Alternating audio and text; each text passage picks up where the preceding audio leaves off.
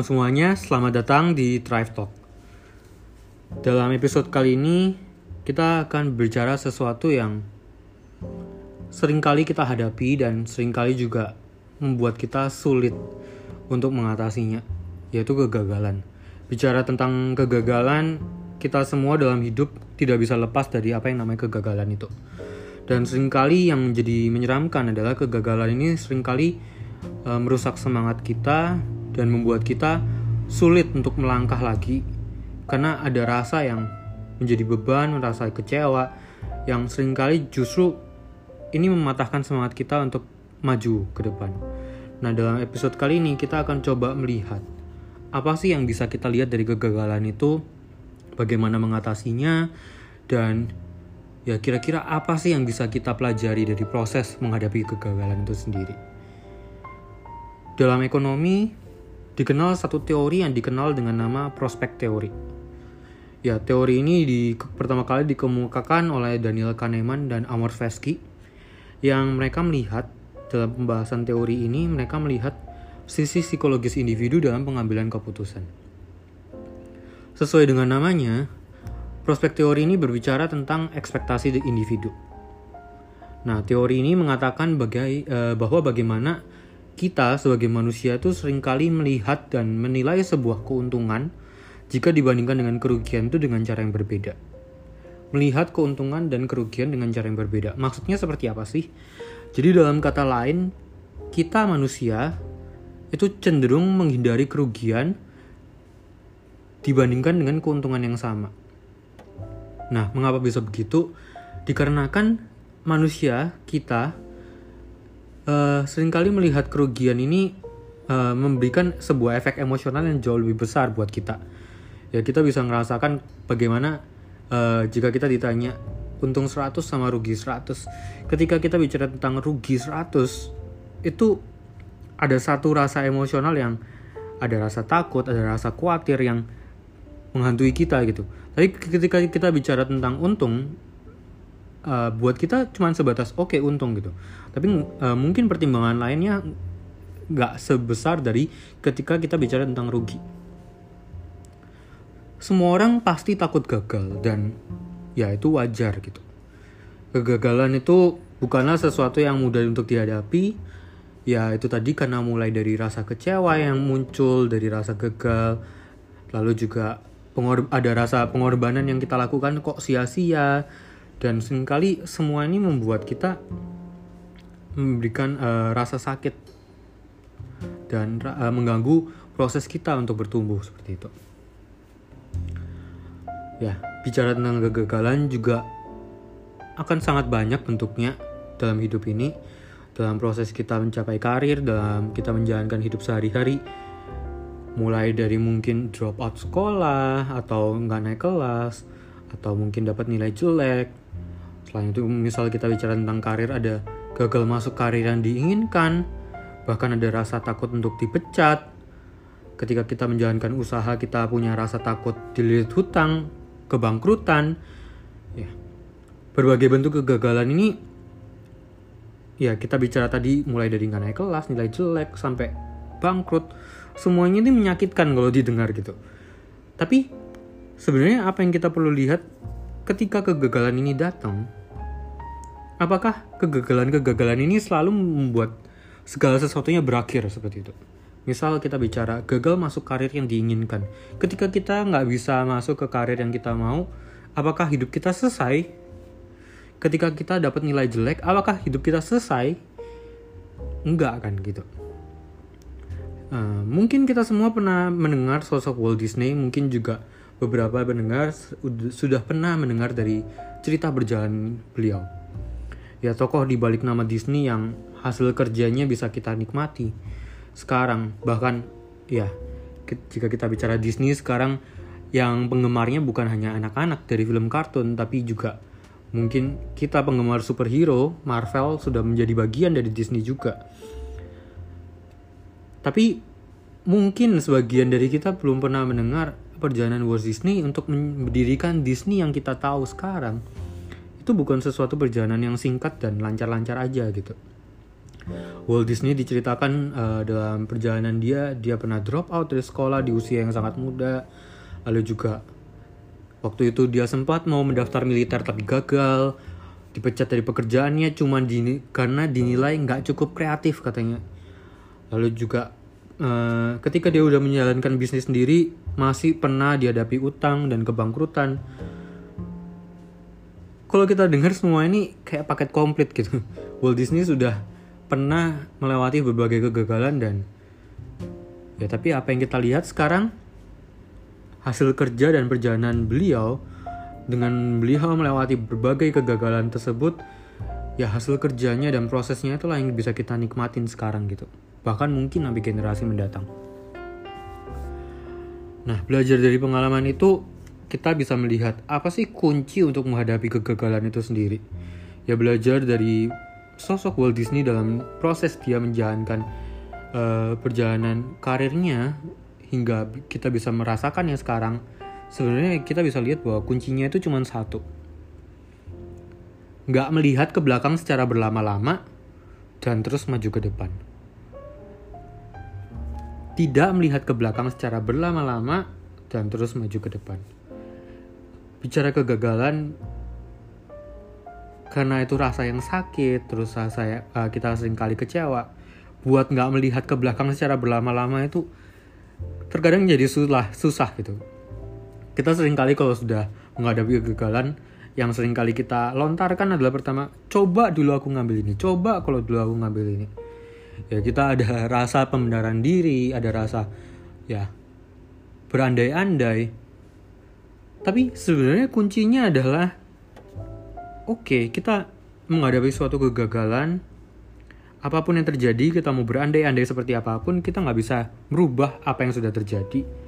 Yang penting adalah bagaimana kita bangun dari kegagalan itu sendiri dan segera melihat ke depan gitu apa yang bisa kita kerjakan untuk memperbaikinya atau men untuk menjadi lebih baik kayak gitu.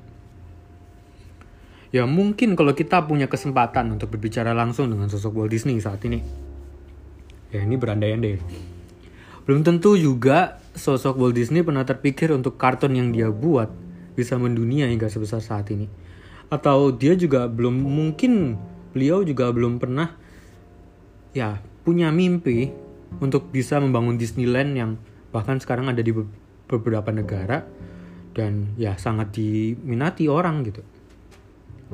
Ya jika sosok Walt Disney memutuskan untuk menyerah berhenti atau putus asa ketika dia drop out dia ngerasa ah aku gagal ketika dia bangkrut ah sudahlah aku nggak bisa ketika dia memutuskan untuk itu kita nggak akan bisa melihat begitu banyak kartun dan film yang saat ini nggak cuma menghibur tapi selalu memberikan kita inspirasi seperti itu ya ketika kita memutuskan untuk memilih uh, mencoba terus maju ini berarti kita memberikan diri kita sendiri satu kesempatan untuk menemukan jalan yang baru. Memberikan kita sendiri semangat ya dalam bentuk ya rasa penasaran, rasa ya ingin memperbaiki itu dan ya dua hal ini yaitu rasa yang memotivasi penasaran lalu ingin berusaha lebih baik inilah yang membuka peluang-peluang baru yang kita nggak pernah tahu apa hasilnya seperti itu. Nah, dalam kita juga perlu ingat untuk terus maju bukan berarti juga ya kita maju tak gentar pokoknya ada rintangan apa pun kita ya terobos saja hantam aja ya tentu kita nggak boleh gegabah seperti itu juga. Yang terpenting dari suatu proses kegagalan adalah rasa jerah dan proses belajarnya. Itu yang harus kita ingat. Ketika kita gagal kita tahu kita punya waktu buat melihat apa yang salah dan kita bisa belajar dari itu. Nah setelah kita belajar dan tahu apa yang salah di sini dengan rasa ingin tahu dan rasa ingin memperbaiki itu tadi kita dapat satu peluang untuk kita punya kesempatan memperbaikinya lagi di depan nah mungkin ada beberapa hal yang bisa kita gunakan ketika kita bicara menghadapi kegagalan. Yang pertama adalah don't take it personal. setiap kegagalan kita hadapin jangan pernah terlalu diambil hati apa sih maksudnya? Jangan jadikan kesalahan itu bagian dari diri kita. Jangan pernah ada pikiran ya ini memang aku lah yang nggak mampu. Atau ya sudahlah memang aku nggak bisa. Ingat bahwa kegagalan ini bisa terjadi di pada kehidupan semua orang. Dan pada kenyataannya semua orang pasti pernah ngelewatin kegagalan apa pun itu bentuknya kegagalan juga seperti tadi di awal kita bicara kita ingat bahwa kegagalan ini supa, uh, merupakan sebuah proses gitu. Bukan sebuah hasil final yang oke okay, apa pun yang terjadi ya udah kamu gagal sudah selesai. Tapi ini masih sebuah proses yang kita lewatin dan kita masih punya peluang untuk memperbaikinya gitu. Ketika kita menganggap diri kita gagal ini hanya akan merusak rasa percaya diri. Ya dan otomatis ketika kita udah nggak percaya diri jangankan untuk memperbaikinya lebih baik buat berdiri aja kita udah nggak mampu gitu. Mungkin ketika kita bicara tentang ya menghadapi kegagalan yang bertubi-tubi dan bagaimana untuk melihat kegagalan ini bukan jadi ya di end final gitu. Ada kisah lain yang bisa kita lihat ya keluar dari sekolah, kehilangan pekerjaan, bahkan ditolak untuk masuk ke pendidikan tinggi, mengalami uh, dia menjalankan berbagai profesi dan gagal. Ya ada sosok Kolonel Sanders. Siapa sih yang nggak kenal Colonel Sanders gitu? Nama dibalik ayam KFC yang ya kita sukai gitu yang banyak orang suka. Dan kita nggak pernah tahu bahwa perjalanan hidupnya dia ini penuh tantangan dan bagaimana proses dia melewatinya gitu bahkan dikatakan dalam ya berbagai website ketika kita lihat atau kita melihat kisah perjalanannya di sini dia berkata bahwa sebelum ayam KFC ini diterima dan terkenal, dia bahkan udah mencoba 1009 resep ayam sebelum akhirnya resep itu bisa diterima dan menjadi awal dari nama KFC itu sendiri. 1009 kali 1009 resep itu bukan sebuah proses yang singkat. Lalu mengingat dia pernah keluar dari sekolah, kehilangan pekerjaan, ditolak masuk ke pendidikan tinggi, ya bolak-balik keluar masuk profesi dan gagal. Menghadapi kegagalan yang bertubi-tubi itu juga bukan proses yang mudah. Nah, tapi kita bisa lihat bahwa kegagalan dan penolakan dan segala macam tantangan ini gak pernah membuat sosok Kolonel Sanders ini berhenti dan dikalahkan dengan kegagalan itu gitu. Dia melihat bahwa dia punya kesempatan, dia tahu dia punya kesempatan untuk bisa jadi lebih baik dia mencoba terus dan akhirnya segala proses itu nggak pernah mengkhianati gitu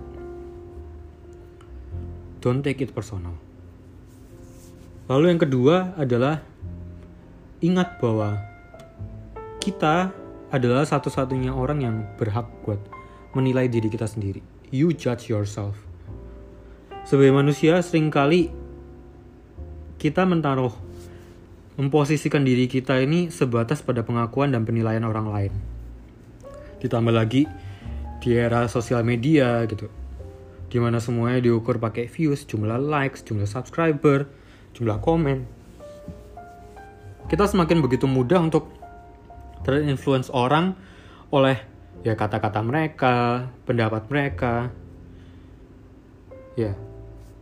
Mendengar kata-kata, mendengar feedback, mendengar pendapat ya melihat like bukan sesuatu yang salah tapi ketika kita cuman melihat bahwa dan kita cuman peduli seberapa banyak kata orang inilah yang salah gitu kita harus ingat bahwa apa pun kata orang kita adalah satu-satunya pribadi yang bisa menentukan ke mana hidup kita ini mau kita bawa ya kita belum mendengar masukan tapi kita perlu tahu juga bahwa nggak semua, nggak selalu semua kata orang ini adalah kebenaran yang bisa menjadi sesuatu hal positif buat diikuti gitu. Kita harus benar-benar bisa membagi, melihat, dan ya membalikan kepada diri kita sendiri. Ke mana kita mau membawa hidup kita gitu. Ya ingat dalam kisah Walt Disney sendiri, dia sempat dipecat karena dikatakan ya nggak cukup kreatif gitu. Ya ketika uh, sosok Disney dibilang ah kamu nggak cukup kreatif, lalu dia sudah selesai, ya kita bisa tahu apa hasilnya seperti itu. Lanjut ke poin ketiga adalah move on. Ya ini bukan kata yang sederhana, move on, tapi buat menjalankannya itu begitu susah. Apa pun yang harus kita lakukan dalam ya menghadapi kegagalan, kuncinya adalah move on. Jangan terlalu lama berdiam dan menjadi obses dengan kegagalan yang kita hadapin. Yang penting adalah kita harus cepat belajar, kita butuh solusi, dan kita butuh aksi, bukan cuma penyesalan gitu. Ketika kita uh, obses pada kesalahan kita, kita ya terus berandai-andai, coba aku gini, coba aku gini kita nggak akan pernah bisa mengubah apa yang sudah terjadi gitu. Tapi yang terjadi besok itulah yang masih bisa yang ada di tangan kita dan kita masih bisa menentukannya gitu. Move on ini sesuatu yang singkat, sesuatu yang gampang dipahami, tapi memang untuk dijalankannya bukan sesuatu yang mudah. Tapi ketika kita bisa belajar dengan cepat untuk ya menerima, untuk belajar dari kesalahan dan mem, uh, memposisikan diri kita untuk siap untuk lanjut ke depan inilah kunci dari menghadapi kegagalan yang paling utama seperti itu. Lalu yang keempat adalah lanjutan dari move on. Kita harus belajar untuk selalu mempunyai sudut pandang yang baru. Salah satu strategi yang paling baik untuk mengatasi kegagalan yang terkadang cukup berat buat dihadapi adalah sederhana mengganti sudut pandang kita. Ya, kita mungkin perlu ambil waktu untuk mengambil perspektif baru, ya membantu kita lepas dari sekadar menyesal itu tadi dan segera belajar untuk mendapatkan gambaran baru yang lebih baik dari suatu masalah. Kembali dalam psikologi dikenal satu istilah yang dinamakan distorsi kognitif atau sering kali juga punya nama lain disebut dengan black and white thinking atau mungkin lebih sering lagi dikenal dengan nama pemikiran semua atau tidak sama sekali. Apa sih distorsi kognitif ini? Distorsi kognitif atau black and white thinking ini adalah sebuah distorsi dalam pikiran kita yang membuat kita memandang, menilai, atau memikirkan suatu situasi itu hanya di dua titik ekstrim antara ya tidak, baik buruk. Selalu hanya antara itu on dan off, satu dan nol. Ya, mungkin contoh yang bisa kita lihat bahwa peristiwa yang kita alami hanya terdiri dari dua kejadian, baik atau buruk. Nah, ketika kita cuma berpikir bahwa dari dua titik ekstrim, baik dan buruk, hal ini menyebabkan ketika kita menghadapi masalah atau melakukan kesalahan, kita langsung melihat dan menilai bahwa hidup ini kita gagal atau sukses, buruk atau enggak. Kita jadi cuman fokus pada pikiran ini. Padahal kita perlu tahu bahwa dalam menjalankan hidup selalu ada zona abu-abu, selalu ada proses, selalu ada kesempatan yang bisa kita lewati. Bicara tentang kegagalan itu sendiri, ini fakta yang nyata dan unik ketika kita mencari kisah sukses dalam sejarah ya kita bisa lihat uh, tokoh-tokoh yang sukses yang namanya bisa kita kenal sekarang. Hampir selalu kita bisa temui dalam perjalanan ini ada kisah kegagalan besar. Ya bahkan di kalau kita nonton film ya mulai dari sinetron drama Korea apa segala macam kita bisa lihat bahwa tokoh utama ini diceritakan hebat tapi dia untuk menjadi seorang yang hebat dia pasti pernah ngalamin kegagalan dan proses yang gak mudah gitu ya Colonel Sanders, Walt Disney, kita bisa lihat bahwa itu ada di kisah-kisah mereka seperti itu. Nah, tapi apa yang membedakan perjalanan mereka ketika uh, dan mereka bisa menjadi sukses adalah bagaimana mereka melihat kegagalan ini sebagai buah, sebuah proses bukan jalan buntu. Kegagalan ini dianggap sebagai sebuah guru, sebagai sebuah motivator, sebagai sebuah batu pijakan untuk mereka bisa mencapai lebih tinggi gitu. ya mereka memilih untuk nggak putus asa mereka nggak memilih untuk diam di satu tempat tapi mereka memilih untuk segera bangun dan melihat posisi mereka dari sudut pandang yang baru sudut pandang yang lebih positif. Ada sebuah uh, quotes dari Michael Jordan. Ya siapa yang nggak kenal sosok Michael Jordan gitu. Ya seorang pemain basket dia berkata bahwa dalam hidupnya dia I have missed more than 9000 shots in my career. Dia udah ya gagal menembak 9000 kali dalam hidupnya dia dalam karirnya dia. Dia pernah uh, kalah di pertandingan 300 pertandingan. Dia pernah dalam 26 kesempatan untuk mencetak gol kemenangan. Ya 26 kali ini dia gagal. Dan banyak kegagalan lain dalam hidupnya dia yang pernah dilewatin tapi menurut dia adalah kegagalan-kegagalan inilah yang membuat dia sukses sekarang. Dikatakan bahwa and that is why I succeed. Kegagalan-kegagalan ini menjadi sebuah pengingat buat dia bahwa dia perlu belajar lagi. Dia uh, punya kesempatan untuk buat jadi lebih baik lagi. Dia punya uh, ini bisa menjadi sebuah guru dan motivator dia buat jadi lebih baik lagi. Dan inilah yang kita butuhkan ketika kita menghadapi kegagalan. Sebuah mental set bahwa sudut pandang yang kita butuhkan adalah melihat kegagalan ini bukan sebuah guys, sebuah jalan buntu gitu. Tapi sebagai suatu proses yang bisa mengantarkan kita untuk lebih tinggi lagi. Yang kelima, yang kelah, yang paling terakhir adalah belajar dan beradaptasi. Dalam menghadapi kegagalan, dalam menghadapi hidup, dalam menghadapi karir, ya. Sifat kepo, ingin tahu itu penting. Inilah yang ketika kita punya peras, uh, keinginan tahu yang besar, ini membuat kita punya kemampuan untuk bisa belajar dengan lebih cepat ya kita dalam hidup ini nggak pernah bisa mungkin menghindari masalah. Masalah itu selalu akan muncul ya bentuknya beda-beda tapi pasti akan muncul. Nah tapi kita selalu punya ke, uh, kesempatan untuk memutuskan bagaimana menghadapi masalah tersebut.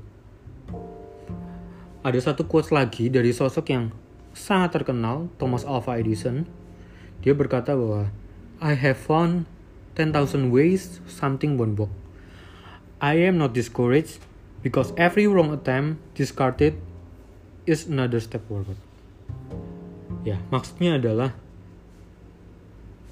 dia dalam prosesnya, kita dalam proses hidup ini, kita bisa gagal berkali-kali.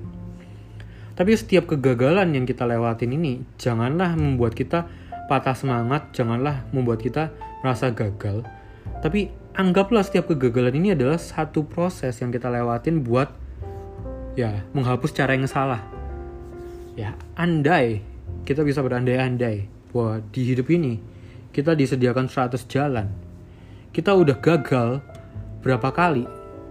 Ya kita gagal 99 kali. Artinya kita udah 99 kali menghapus jalan buntu jalan yang memang nggak bisa ngantarkan kita ke posisi itu. Tinggal satu jalan lagi yang kita bisa bawa kita ke lebih lagi tapi buat menemukan satu jalan lagi ini, kita nggak boleh patah semangat, kita nggak boleh berhenti. Kita nggak pernah tahu kesempatan mana yang ada di depan kita yang ya bener-bener bisa membawa kita buat sukses. Ini jadi satu alasan lagi bahwa that's why kita nggak boleh merasa cepat gagal dan merasa putus asa dan nggak semangat. Ya dalam menghadapi kegagalan tuh yang terpenting adalah belajar dari kesalahan tersebut, beradaptasi, dan segera menemukan solusi yang lebih baik. Ya jika masih gagal, ya ulangi dan lagi, ulangi, ulangi lagi gitu. Hingga semakin baik.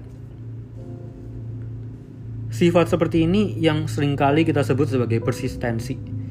Di mana di dalam tantangan sekarang ketika kita bicara tentang karir, ya ketika kita bicara tentang hal-hal yang lain mungkin bahwa persistensi ini sesuatu yang semakin jarang dan semakin sesuatu yang memang bisa menjadi sebuah kekuatan yang nggak gampang gitu. Ya contoh kita bicara tentang menghadapi situasi pandemi COVID yang ada sekarang. Ya, kita semua dihadapi dengan sebuah kegagalan gitu. Tapi bagaimana kita bisa ngelewatin ini? Kita harus terus mencoba. Itu yang namanya persistensi. Ya ketika kita mencoba membangun bisnis, gak selamanya apa yang kita bangun bisa langsung terjadi ketika kita menjalankan karir. Nggak selamanya apa yang kita rencanakan itu bisa langsung terwujud. Nah, dalam menghadapi proses, dalam menghadapi ya jatuh bangun, persistensi ini mungkin sesuatu yang harus kita ingat dan kita coba tumbuhkan lagi dalam hidup kita. Ya, untuk menutup podcast dalam episode kali ini, ya untuk mem-wrap up apa yang sudah kita diskusikan dalam episode kali ini ya belajar dan terinspirasi dari berbagai kisah berbagai quotes ya. Kita perlu tahu bahwa dalam menghadapi kegagalan gak peduli kegagalan itu seberapa besar ya sering kali kegagalan itu bahkan terlihat sebagai jalan buntu, kita harus selalu ingat bahwa ada begitu banyak orang yang bisa menikmati sukses hari ini. Hasil dari mereka ya terus melakukan, terus bangun dan terus melakukan proses bertumbuh dalam menghadapi kegagalan itu sendiri. Mereka memilih untuk beradaptasi, mereka memilih untuk belajar, dan mereka memutuskan bahwa hidup mereka adalah di tangan mereka sendiri. Kita dalam menghadapi kegagalan yang sedang kita hadapi mungkin atau akan kita hadapi, kita harus terus ingat bahwa kita punya kesempatan belajar dari kesalahan. Kita bisa merefleksikan dan menerima kegagalan itu sebagai proses. Tapi kita juga punya kesempatan buat mengingat alasan kenapa kita menjalankan ini. Kenapa kita begitu semangat ketika memilih jalan ini, passion kita. Dan kita sekarang ditantang untuk mengejar mimpi kita apa pun yang terjadi ke depannya. Ya sekian untuk episode podcast Thrive Talk kali ini. Sampai jumpa dalam episode lainnya. Makasih.